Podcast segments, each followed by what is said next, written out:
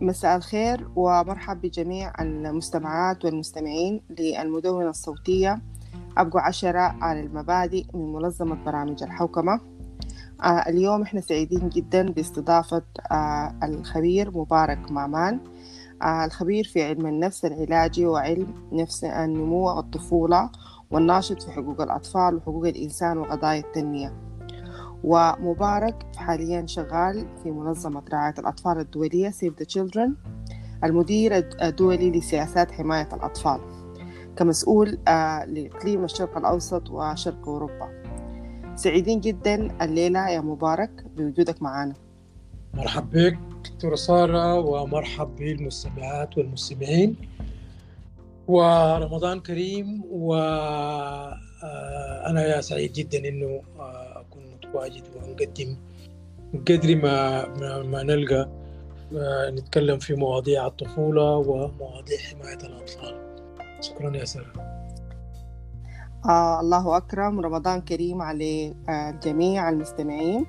آه المنظمة طبعا هي مهتمية بالقضايا آه قضايا المواطنة واللي بتشمل الأطفال واليافعين وبقضايا حقوق الإنسان. آه وبحماية آه الأطفال. فعشان كده إحنا عايزين نتناقش معاك في آه نقاط آه متعددة بإنه آه إنك خبير في النظم دي آه حنستفيد أكيد من رؤيتك آه في آه القضايا المختلفة اللي بتتعلق بحقوق الطفل. أول استفسار هو عن اتفاقية حقوق الطفل ودورها في حماية الأطفال واليافعين. شكرا جزيلا يا سارة.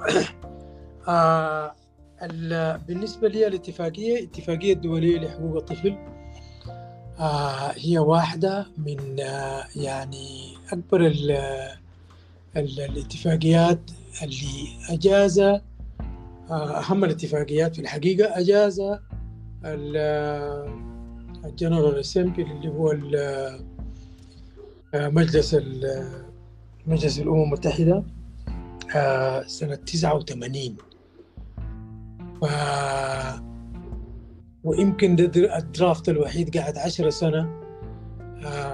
بالنسبة لي للأمم المتحدة ولغاية ما وصلت ب إنه يكون هي دي واحدة من أكثر الاتفاقيات الدولية قبولا في العالم وتم التوقيع عليها والمصادقة 192 دولة ما عدا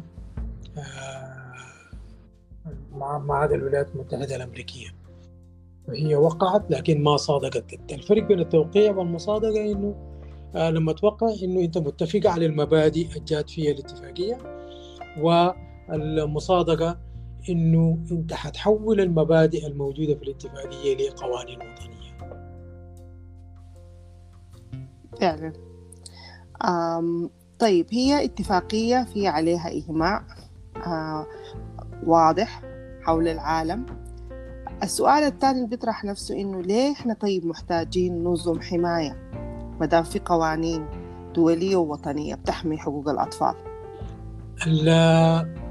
القوانين يعني مثلا في إذا إذا عاينا للاتفاقية بنلقى إنه هي مجموعة مبادئ ومجموعة مواد بتضمن أو بتلزم الدول يعني دوليا في انها كيف توفر حماية للأطفال وفي نفس الوقت آه القوانين الموجودة.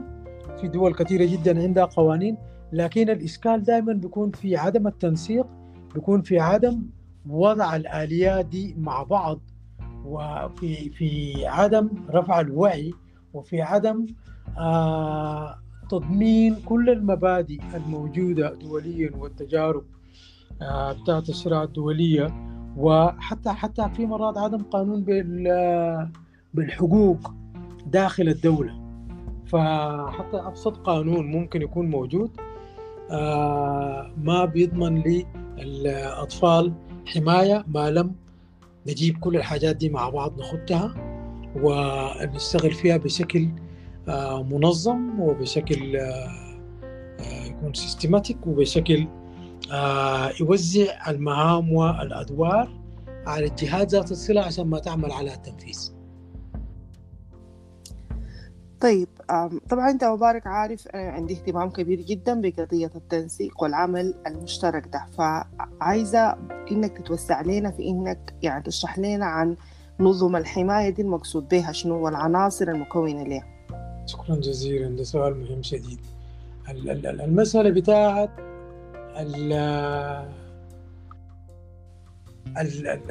الحماية دي هي مجموعة من الإجراءات ومجموعة من الأطر اللي بتمنع حدوث الإساءة. يعني نحن بنشتغل على أربع محاور المنع والإستجابة والوقاية والتوعية.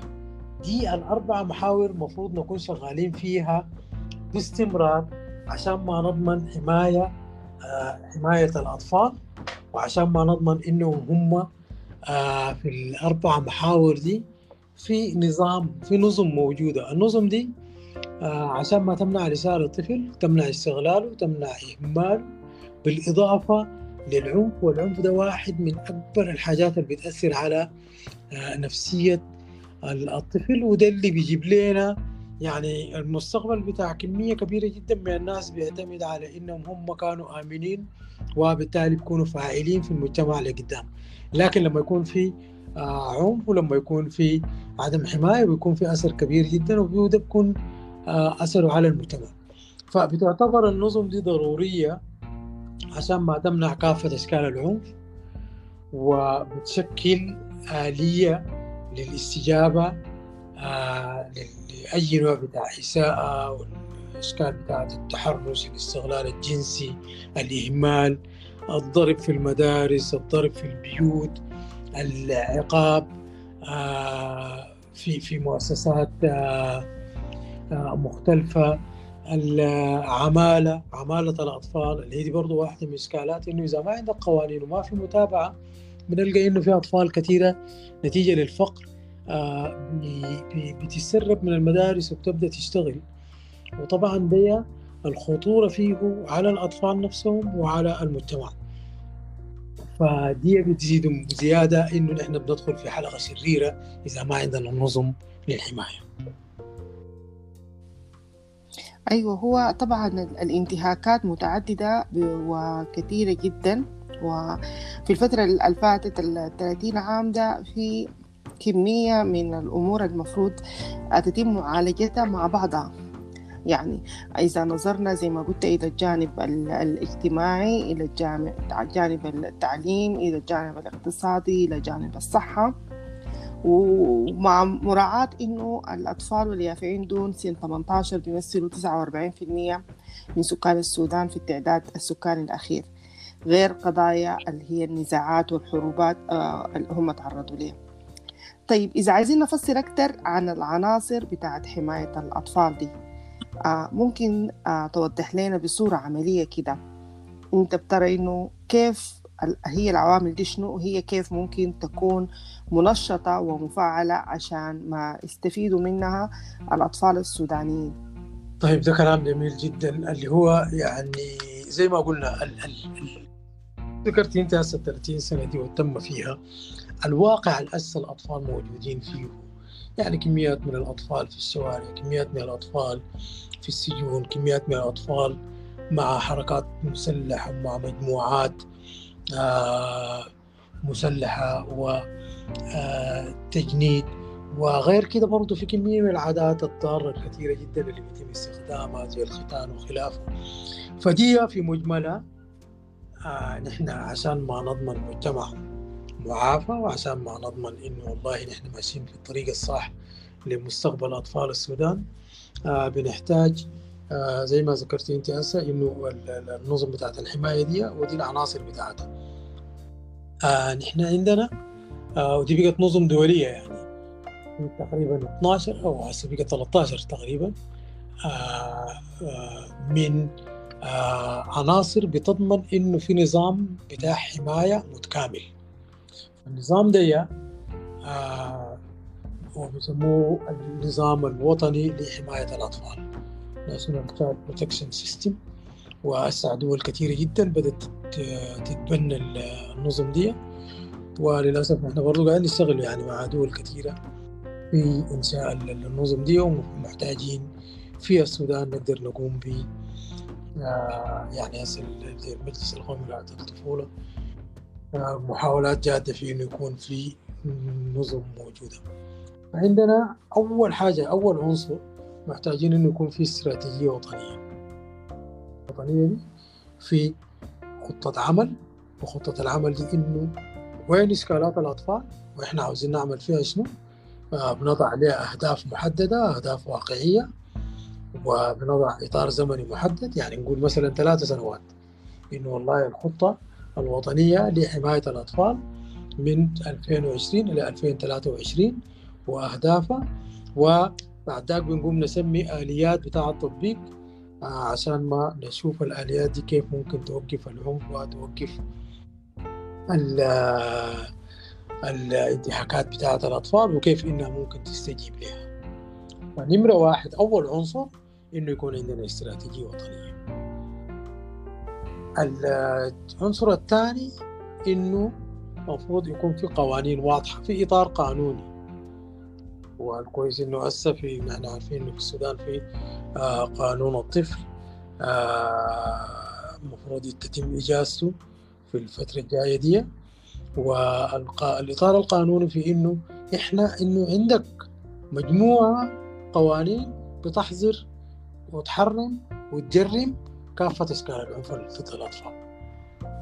إذا كان في المؤسسات مثلا الضرب ما يكون فيه لا في المدارس ولا في البيوت ولا والختان مثلا الزواج المبكر آه، التجنيد يعني مثلا المؤسسات العسكرية آه، القانون بيقول إنه 18 سنة. ونحن دائما بنتكلم عن الطفل من 0 ل 18 سنة لأنه 18 سنة دي سن النضج. وسن النضج معناتها بعدها أنت عشان كده القانون العسكري بيقول لك ما تجند أقل من 18 آه، رخصتك ما بتلقى أقل من 18 غيره. فدي كلها بتوري إنه لازم يكون في إطار قانوني يوري ما في ضرب في المدرسة. ما في ضرب في فتحريم الختان آه، المسؤولية الجنائية. ففي في كمية من الحاجات يعني هسه اللي حصل آه، من أشكال بتاعت عنق ضد الاطفال في قضايا كبيرة هسه في المحاكم. آه، دي كلها القانون مرات بيكون ما واضح فيها بالنسبة للأطفال وبالتالي بيتم انتهاك واستغلال الأطفال. فعندنا الاستراتيجية الوطنية الجزء الأول.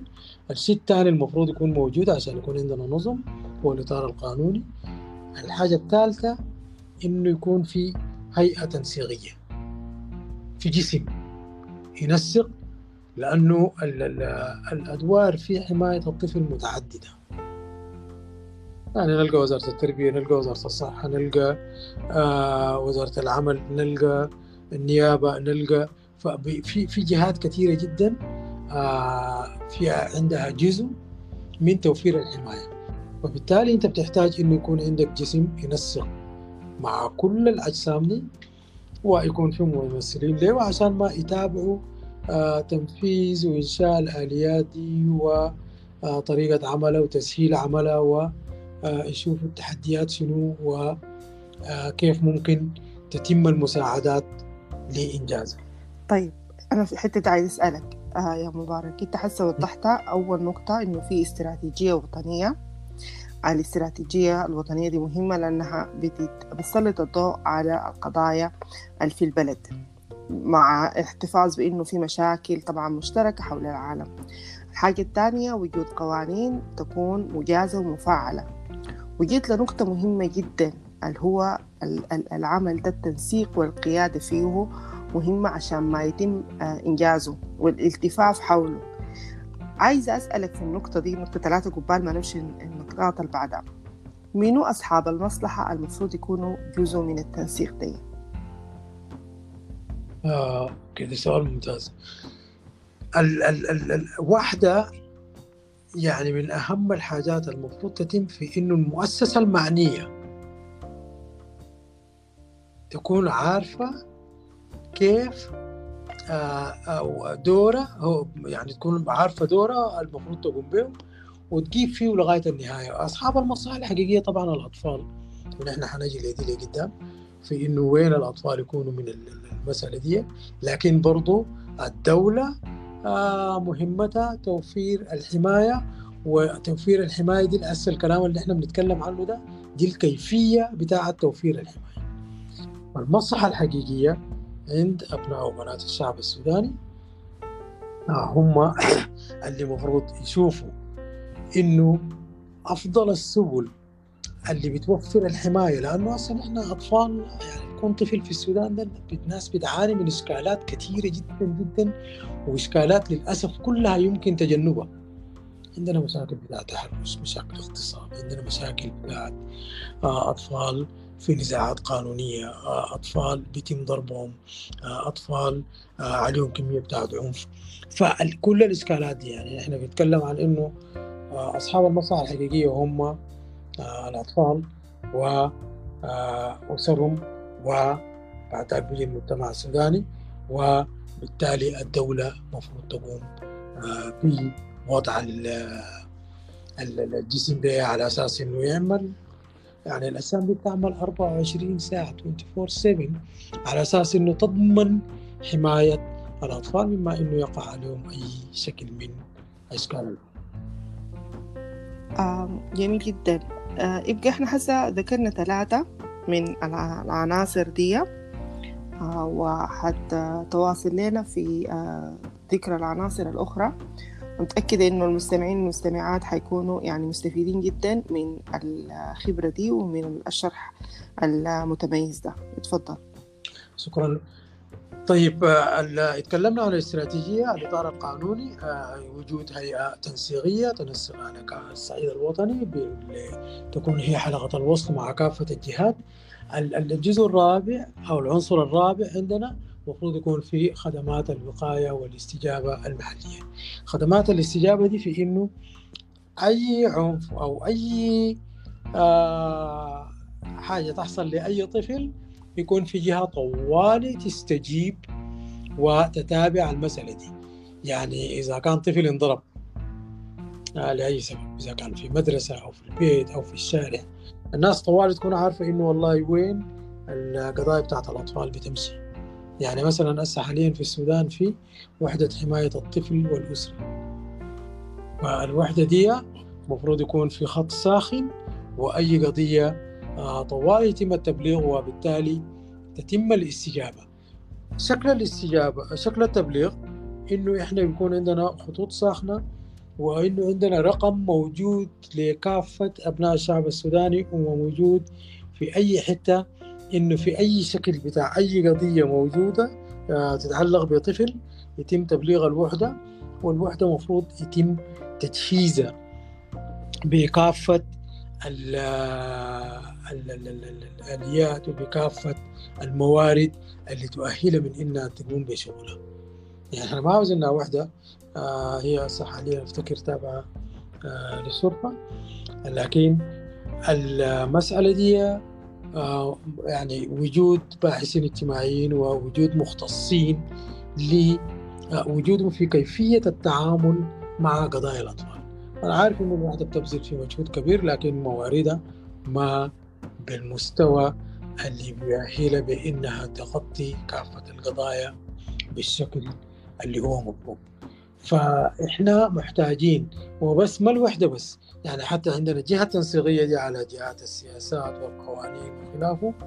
الجهات الخدمية دي الوحدة دورة إنه تتعامل مع كل القضايا وبعد ذاك تودي تقدم الطفل توديه لمحل الخدمة المطلوبة.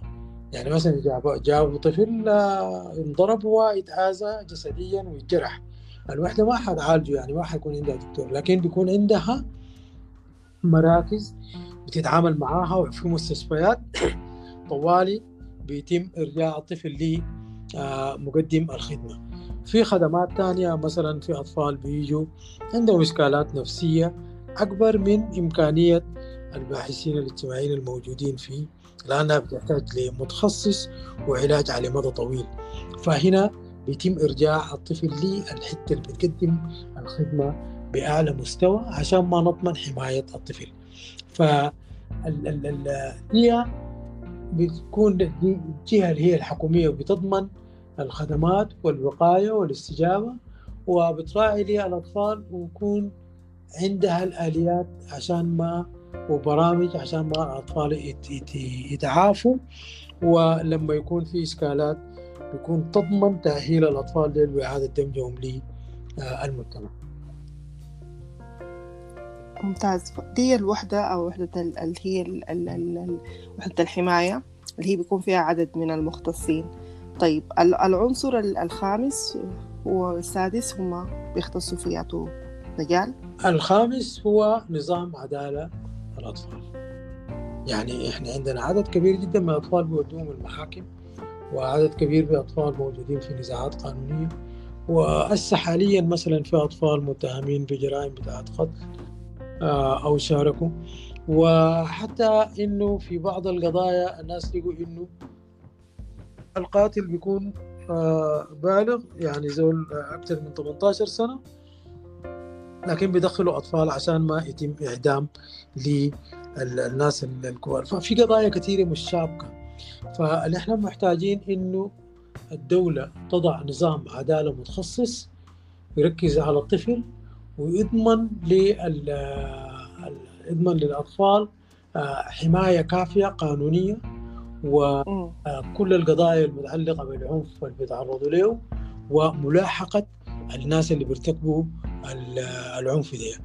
والجزء الثاني اللي هو الأطفال في لأنه المسؤولية الجنائية محددة بسن 12 سنة في دول 8 سنة ولكن المسؤولية الجنائية وين موجودة؟ وبعد ذاك وجود مؤسسات التأهيل لأنه هسه الشكل الموجود حاليا إذا كان بيسمى إصلاحيات أو خلافه ما فيه أي حاجة عشان ما يأهل الطفل.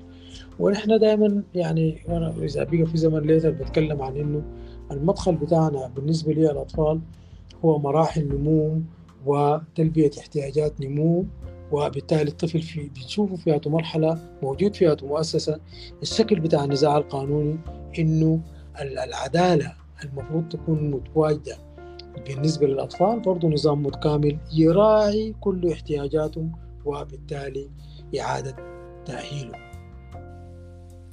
أيوة إعادة التأهيل عشان ما يرجع يكون آه، مواطن منخرط في المجتمع وفعال ومنتج ويعني ما تتم إنه من حتى لو حدثت إنها هي جريمة إنها تكون دي النهاية بالنسبة له إذا كان آه، هو طفل يعني أو من اليافعين. وما يتاحت الفرصة له لإنه هو يحصل له تأهيل آه، وإعادة اندماج في المجتمع. طيب ممتاز. حس إحنا وصلنا تقريبا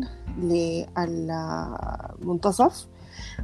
عايزين نواصل في المسيرة دي عشان نعرف بقية العناصر وأهميتها. آه، تمام نحن فضل لنا زي تقريبا ستة عناصر. آه، أيوة. آه، آه، العنصر اللي بعده اللي هو انت تكلمت أصحاب المصلحه الحقيقية وهنا اللي هو وجود الأطفال. آه نحن محتاجين إنه آه نشرك الأطفال وإشراك الأطفال بيكون حسب أعمارهم وحسب مقدراتهم وحسب ما يخصهم.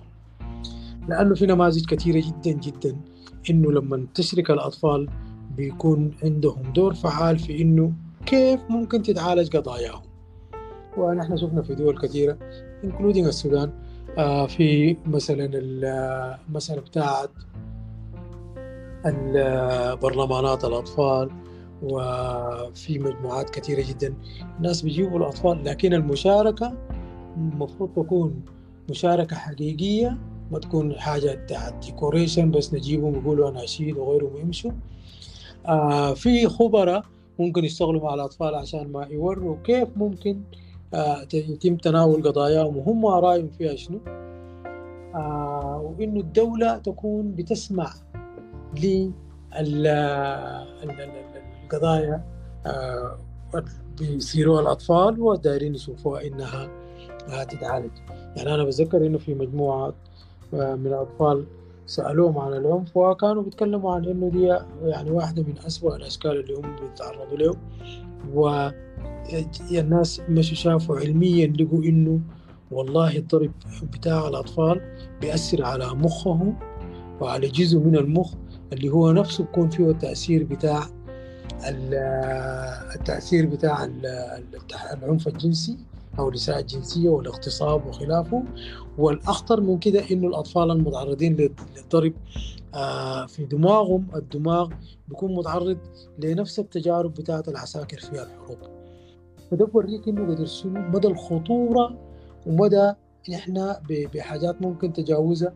إذا سمعنا للأطفال ديل وعملنا معاهم آه بنقدر نتجنب حاجات كثيرة جدا تجنبهم. آه أضرار كبيرة ممكن تحصل لهم وبالتالي تخلي زول إنه هو ناقص إنه إنه عنده إشكالات كثيرة جدا كان ممكن تجنبها لأنه الأطفال ديل هم الحاضر والمستقبل بتاع فممكن نتجنب دي إذا سمعنا اليوم وبالتالي يكون في آلية بتاعت مشاركة مشاركة فاعلة ونسمع لهم في كل الحاجات اللي بيقولوها أو القضايا اللي بتهمهم تماما. تماما. أصحاب المصلحة وفي بعض الأطفال واليافعين ممكن يكون عندهم ذوي احتياجات خاصة أو ما يقدروا إنهم هم يعبروا عن نفسهم فبرضه لابد يكون في لهم تمثيل. طيب إذا مشينا للخاصيات اللي بعدها. مبارك. آه بعدها إنه آه إشراك الرأي العام. وإشراك الرأي العام دي في قضايا كثيرة جدا جدا. يعني الناس مرات بيجوا بس أنت بتقول أنا والله عندنا نظم بتاعت حماية وجايبينها والناس بيقول لك لا ده مثلا حاجات ما بتبقى. ومرات كثيرة هو مش مرات كثيرة هو أغلب الأحيان المجتمع المحلي بيكون عارف وين حل إشكالاته أفضل من أي منظمة. فلازم من استشارة المجتمع الأطفال موجودين فيه ولازم من الأخذ برأيهم ولازم إشراكهم ولازم الوعي بقضايا الأطفال و... و... و... و... وكيف نحن نقدر لأنه يعني بالغريزة ما في أي إنسان سوي بيكون عاوز يؤذي أي طفل. اللي بيحصل إنه بيكون في آه سوء فهم واللي بيحصل إنه بيكون في عدم وعي واللي بيحصل إنه بيكون في يعني مفاهيم مختلفة أو عادات ضارة. ناتجة من المعلومات المختلفة. دي فاشراك المجتمع في حماية الأطفال بيقدم دور كبير جدا وهو جزء من نظم الحماية. يعني هسه مع أي مجتمع لو قعدنا وتكلمنا وشفنا وين القضايا وكيف. يعني أنا إحنا مرة مشينا نسلم مدرسة في تنزانيا. المدرسة دي وسط خمسة غرف. فلما سألنا الأطفال والبنات في إنه اكبر قضية بتأرقهم شنو؟ مشكلتهم شنو؟ قالوا بيحصل لنا اغتصاب في الشارع للمدرسه المدرسة. في النص وحولها في خمسة غرة والخمسة غرة دي الحتة مليانة كلها غابات وكده. فالأطفال بيجوا المدرسة فالبنات قالوا إنه بيتعرضوا لاغتصاب وحالات كثيرة جدا. فلما أشركنا المجتمع المحلي من كل قرية طلعوا سبعة متطوعين يقيفوا في الشارع لغاية ما آخر طفل يدخل المدرسة. وفي نفس الوقت بيرجعوا نهاية اليوم. السبعة متطوعين ديل بيقفوا في الشارع لغاية ما آخر طفل يرجع البيوت. فالحالات دي من اللي كان شكلها كثير والناس بتسكت عليها عشان الخجل والعار والقضايا دي. وجود المتطوعين دي وده كان حل من المجتمع المحلي وكان حل فعال جدا جدا. نزل الحالات بتاعة التحرش لصفر. دي يعني لا دي حاجة مهمة شديد جدا وفعلا نقطة محورية لأنه الوعي هو نقطة يعني حاجة مهمة. حتى لما ننظر في المجتمع ونتكلم عن قضايا عمالة الأطفال مثلا نعم. أو إنه في بعض الناس بيشوفوا إنه ده الواقع اللي هم آه لقوه بالتالي واقع مقبول. هو ما مقبول وهو خطأ لكن من دون رفع الوعي وتنبيههم إلى إنه آه ده ما الواقع الصحيح. وإنه الأطفال دي المفروض إنهم يعني يستمتعوا بطفولتهم وبالنمو الطبيعي ويمشوا المدارس وإنه ننتبه لصحتهم وما نعرضهم لكل المخاطر دي. آه آه بعد ذاك الناس بتنتبه لأنه آه هي ما تشارك ذاتها في إنها يعني دعم ظاهرة عمالة الأطفال. فدي حاجة مهمة شديد إنه فعلا المجتمع يكون مشارك وواعي يكون في نقاش عن دور الناس في حماية الأطفال من كل أنواع العنف.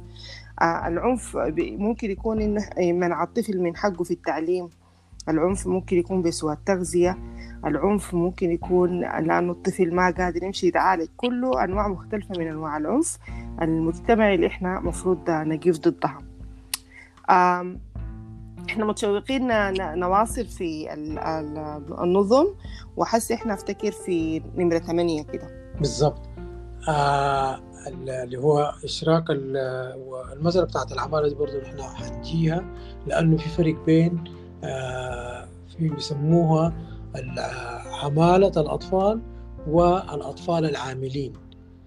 وفي نقطة خطوة فاصل بيناتهم الاثنين لأنه في ناس كثيرة بقول لك في فقر يعني أنا يمشي وين ما في عائل. فالأطفال عمالة الأطفال اللي هي أي عمل بأجر أو بدون أجر يؤثر على صحة الطفل أو تعليمه آه، أو آه، نموه آه، أو أوقات فراغه. فدي كلها بتعتبر عمالة ودي محرمة بالقانون الدولي والقانون الوطني. الأطفال العاملين دي الأطفال بيمشي المدرسة لكن بيقوم بأدوار ثانية في البيت أو في مع أبوه أو مع أمه أو أطفال بيساعدوا. آه، في الحياة اليومية آه، اللي هي الشكل بتاع المعيشة. في أطفال بيمشي بيزرعوا مع أهلهم. في أطفال ودي فيها جزء من دور تهيئة الطفل آه، بقيام بدوره لقدام في المجتمع وخلافه. لكن ما تأثر على صحة الطفل حتى لو في البيت. أعمال بقت ساقة وبتأثر على صحة الطفل ده بيعتبر أعمال الأطفال. لكن الأطفال العاملين ديل الناس بيكونوا جزء من المدرسة ونتيجة للفقر. بيقوموا ببعض الأعمال ولغاية ما الواحد يقدر يتجاوزها وبرضه بيتم فيها حماية ومنظمة العمل الدولية بتقول إنه الأطفال ممكن يشتغلوا من 14 سنة يشتغلوا أربع ساعات ويكون عندهم مدة في شروط محددة فهذه ممكن نرجع. بالضبط. لكن أيوة إنه هي نعم. مهمة إنه الناس تكون عارفة إنه الشروط المحددة دي هي شنو وإنها تلتزم بها يعني وإنه ذاته الطفل يكون عارفة آه، عشان ما يتم استغلال له وأسرته تكون عارفة برضه فده بالتالي إن عشان كده النمرة سبعة ده كان مهم اللي هو إشراك المجتمع. بالضبط. طيب لو وصلنا في النظم بعد ذاك؟ آه لو وصلنا بعد ذاك نجي نشوف القوة العاملة الناس اللي بيشتغلوا مع الأطفال. من معلمين من أطباء من باحثين اجتماعيين شرطة آه موظفين حكوميين الناس اللي بيقدموا الرعاية المحاكم بتاعت الأطفال القضاء العاملين الصحيين.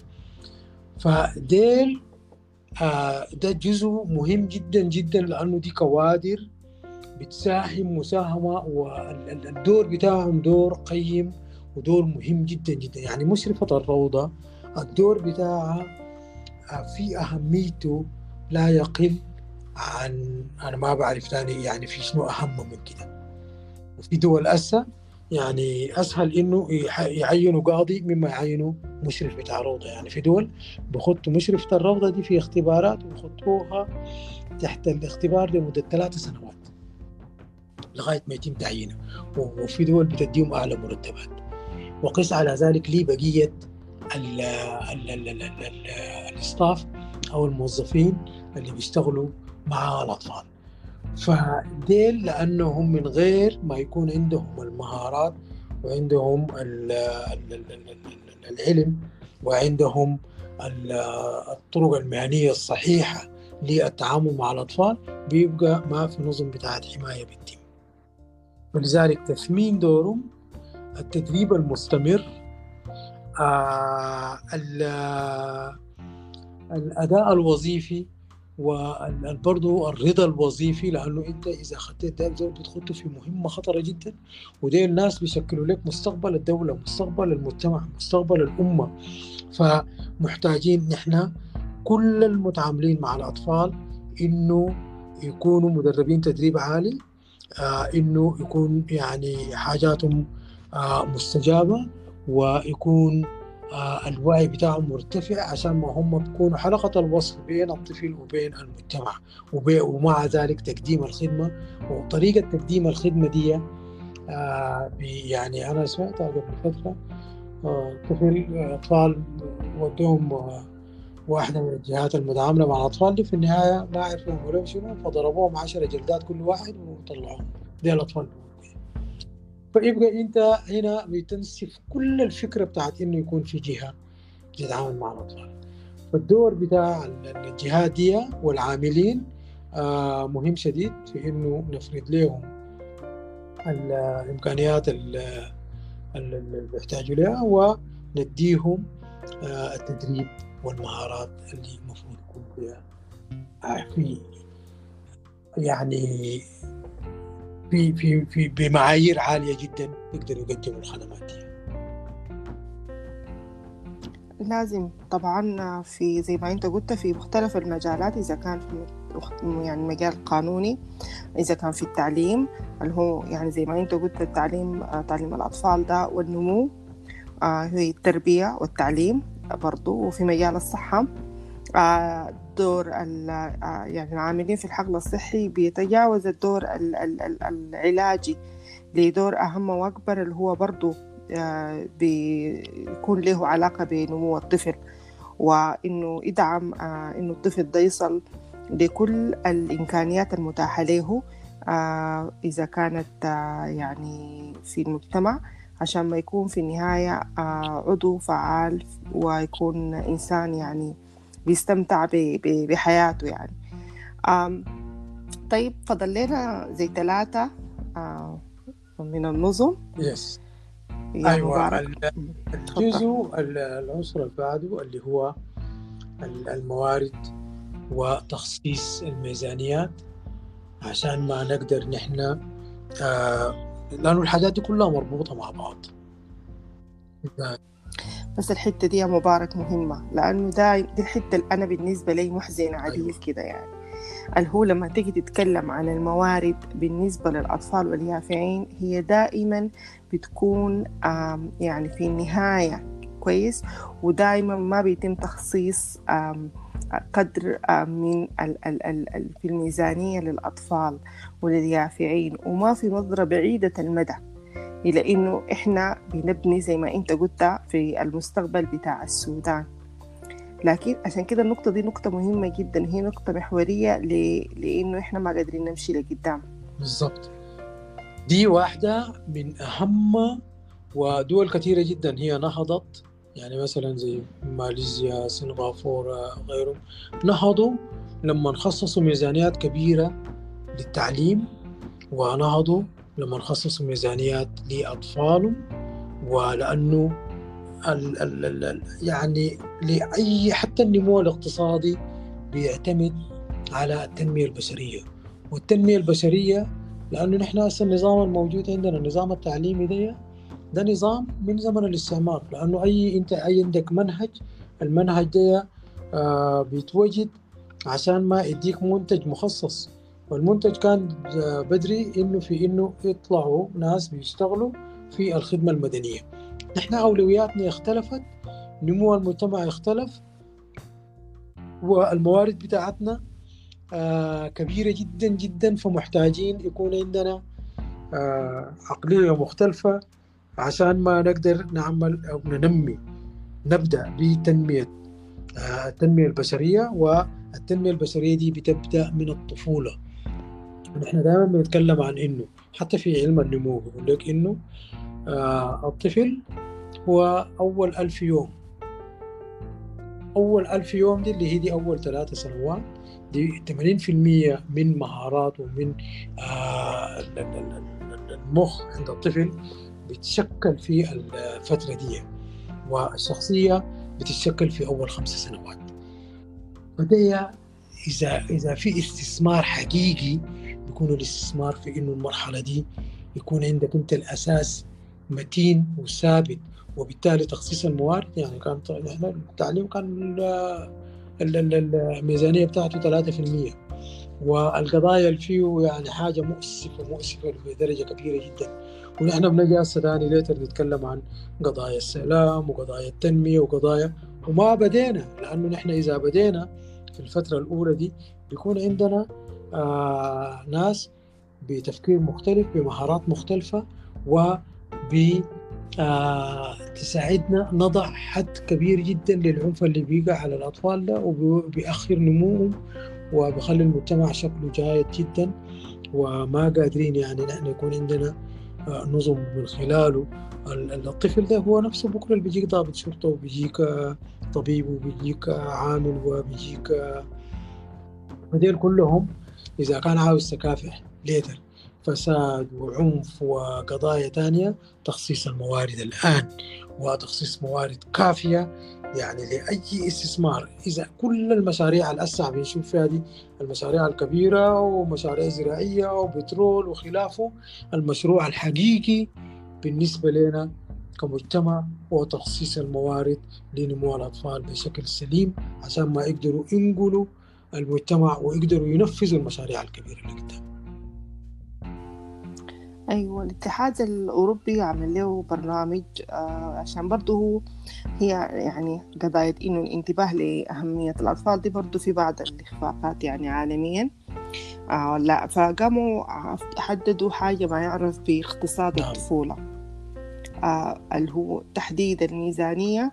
آه ما بس يعني آه كل وزارة مفروض تحدد آه آه إنها هي آه الجزئية اللي حتقدمها للطفولة شنو. إذا كان التعليم إذا كان الصحة إذا كان القانون إذا وإذا وإذا. آه وبالتالي آه اللي هو اقتصاد الطفولة ده هو مركز فقط على آه الأطفال وعلى اليافعين يعني. وحتى خدت اليوم يا سارة ميزانيات اسمها ال child friendly budget الميزانيات الصديقة للأطفال. هي صح. دي في كل مؤسسة مفروض تخصص. أيوة. إحنا يعني آه مؤملين هسه لكن لنا سنتين بعد الثورة إنه آه يعني نحقق العدالة للأطفال واليافعين اللي هم بس عشان ده حقهم هم ذاتهم شاركوا في الثورة وهم ذاتهم شاركوا في التغيير. وهم ماتوا شهداء وهم ماتوا في آه الحروبات والنزاعات وهم اتضرروا آه فهم المفروض يكونوا أولوية آه حقيقية وعايزين الحاجة دي نأمل إنها آه إنها تطبق آه وإن نشوف إنجازات حقيقية آه ملموسة يعني. آه بعد ده نمشي على أفتكر فاضل لنا اثنين من النظم. فضل اثنين وفي واحد ثالث إضافة مني أنا. في المعايير والأنظمة اللي هو لازم إنه الدولة تتحمل مسؤوليتها في تنظيم الخدمات وتنظيم الاستجابات وتنظيم وكله معيار. يعني الحاجات دي أصبحت عندها معايير لتقديم الخدمات بالنسبة للأطفال بما يضمن نموهم بشكل سليم. وبما يضمن حمايتهم من العنف وبما يضمن حمايتهم من التحرش وبما يضمن علشان المجتمع ما يقع في الإشكالات دي والأطفال ما يقعوا في يكونوا ضحايا لقضايا كثيرة جدا ممكن حلها بطرق مختلفة والطرق دي موجودة. موجودة الدولة زي ما هسه بنتكلم في, في كل الأشياء دي إنه كيف نضعها مع بعض آه على أساس إنها آه يتم وضعها وبالتالي آه توفير حماية بشكل منتظم بالنسبة للأطفال وتقليل المخاطر لضمان عبورهم من كل مرحلة بتاعت نمو للبعدها لغاية ما يصلوا ناس بالغين ناس سويين ناس أصحاء ناس آه عندهم مقدرات على مواجهة المشاكل وعندهم مقدرات على تنمية نفسهم وتنمية المجتمع ككل. الاستدامة دي ما هي نقطة أساسية والمراقبة لأنه فعلا في نظام آه نظام ده شغال ونظام فعال يعني. وده بجيبني زي ما أنت عارف كويس يعني آه يعني مبارك لي سؤالين أنا بسأل آه إنه كيف إننا نشكل يكون مراقبة واستدامة وإنه صوت الأطفال يكون يعني دائما موجود. في النظم دي هل ده عبر منظمات الدولة؟ هل ده عبر المجتمع المدني؟ ولا هل ده عبر مفوضية في وجود مندوب سامي ممثل للأطفال؟ أفتكر ده نقاش ممكن نطرح له مساحة تانية عشان ما هي زي ما أنت قلت تفعيل القوانين تطبيق القوانين تفعيل النظم تحديد الموارد ده كله محتاج تنسيق لكن محتاج برضه مراقبة. بالضبط كده. وده بيقودنا للنقطة العنصر الجاي دي اللي هو آه يكون عندنا أنظمة جمع بيانات. ده بجيبنا مربوط بالنقطة اللي هسه ذكرتيها دكتور سارة في المراقبة. والمراقبة دي إنه أنت محتاج كل البيانات في حتة واحدة. لازم يكون في نظام فعال يجمع لنا البيانات دي وإنه الحكومة قادرة تشوف وين المشكلة؟ مشكلة ضرب الأطفال مشكلة تحرش آه المشكلة في يعني عشان ما نحل الإشكالات دي من غير بيانات ومن غير database ما بنقدر آه نشوفه نشوف الأطفال منو اللي بتلقى دعم ولا الأطفال اللي تم يعني تأهيلهم وكيف ممكن نتابعهم. آه في أطفال كانوا مفصلين من أسرهم منو اللي وصل أسرته منو لسه ما ما وصل. آه آه النظم نظم المعلومات بتساعدنا في إنه نعرف القضايا والممارسات الجيدة وموجودة وين والممارسات السيئة موجودة وين وكيف نمشي نحلها وكيف نتابع كل قضية. لأنه أصل قاعد يحصل تحصل قضية بشعة زي ما هسه في موضوع السماح حق السماح أوكي؟ طوالي يعني كان في مقتل سماح ده كان قضية هزت الرأي العام لكن سماح ما براها الله يرحمه. يعني في أطفال تانيين كتار جدا تعرضوا لعنف ما في زول شاف حاجة. موجودة للأسف. موجودة وسماح هي شهيدة كل الأطفال. وأثارت قضايا كبيرة جدا جدا. ودي واحدة من الحاجات اللي هزت ضمير المجتمع السوداني. والمجتمع السوداني نحن بنلقى الناس بتتألم ألم شديد جدا لقضايا كثيرة جدا بيمروا بها الأطفال. وفي النهاية كل الناس اللي أي زول الحاجة اللي بيقدر عليها بيحاول إنه يعملها. لكن بنرجع كلنا بإحساس بالعجز بإنه عملنا شنو نحن. يعني محتاجين آه. محتاجين البيانات دي بشكل منتظم. البيانات مهمة جدا زي ما قلت تجميع البيانات. مهم برضو اللي هو المشاركة بالبيانات إنها لما تتجمع الناس تستفيد منها. وغير التجميع البيانات آه مهم جدا برضو إنه الناس آه تفكر بصورة آه آه يعني أكبر والتزام أكبر في البحث العلمي آه في القضايا دي وتشجيعه آه في آه مختلف التخصصات يعني. إنه يكون في بحث علمي آه، في ما يختص آه، الأطفال والناس تعتمد على ال evidence based يعني. research آه، لأنه ده هو الحاجة اللي ممكن توجهنا لقدام ويكون بحث علمي في في في السودان يعني بالنسبة للأطفال عشان ما نطبق نتائج أبحاث خارج السودان. ما معروف هل هي فعلا بتمثل المشاكل بتاعتنا ولا شبيهة بيها ولا ما شبيهة بيها ولا ولا الحاصل شنو يعني. آه تفضلت طبعا الجزء الأخير ده ده أنت حقك يعني براكة. آه ده براكة. نحن هسه قاعدين نتكلم مع مؤسسات كثيرة جدا. يعني في في في في, آه في مؤتمرات وفي حتات برا. آه على أساس إنه يتم تضمين آه سياسة حماية الطفل. وسياسة حماية الطفل في إنه كل العاملين بالأطفال وإنه كل المؤسسات اللي بيشتغل مع الأطفال ما يتم لها ترخيص لو ما عندها سياسة آه لحماية الأطفال. لأنه حتى مقدمي الخدمة آه في انتهاكات كثيرة جدا بتتم آه داخل وخلال تقديم الخدمة آه ودي ما في السودان يعني دي في كل دول العالم. في أمريكا وفي بريطانيا وفي غيره. فمن غير سياسات موجودة ما بنضمن حماية كافية للأطفال. ف... فنحن عاوزين إنه حتى في السياسة دي البيانات مهمة لأنه أنت ما بتقدر تخطط للأطفال ما لم يكون عندك آه إحصائيات تقدر توريك حجم المشكلة وبالتالي تقدر تتابع معاهم وبالتالي تقدر تشيل تقدر تعمل يعني خطط وتعمل استراتيجية وطنية وتعمل لأنه السودان ده نحن أمة شابة. يعني أكثر من 60% آه، هم ناس في في عمر الشباب.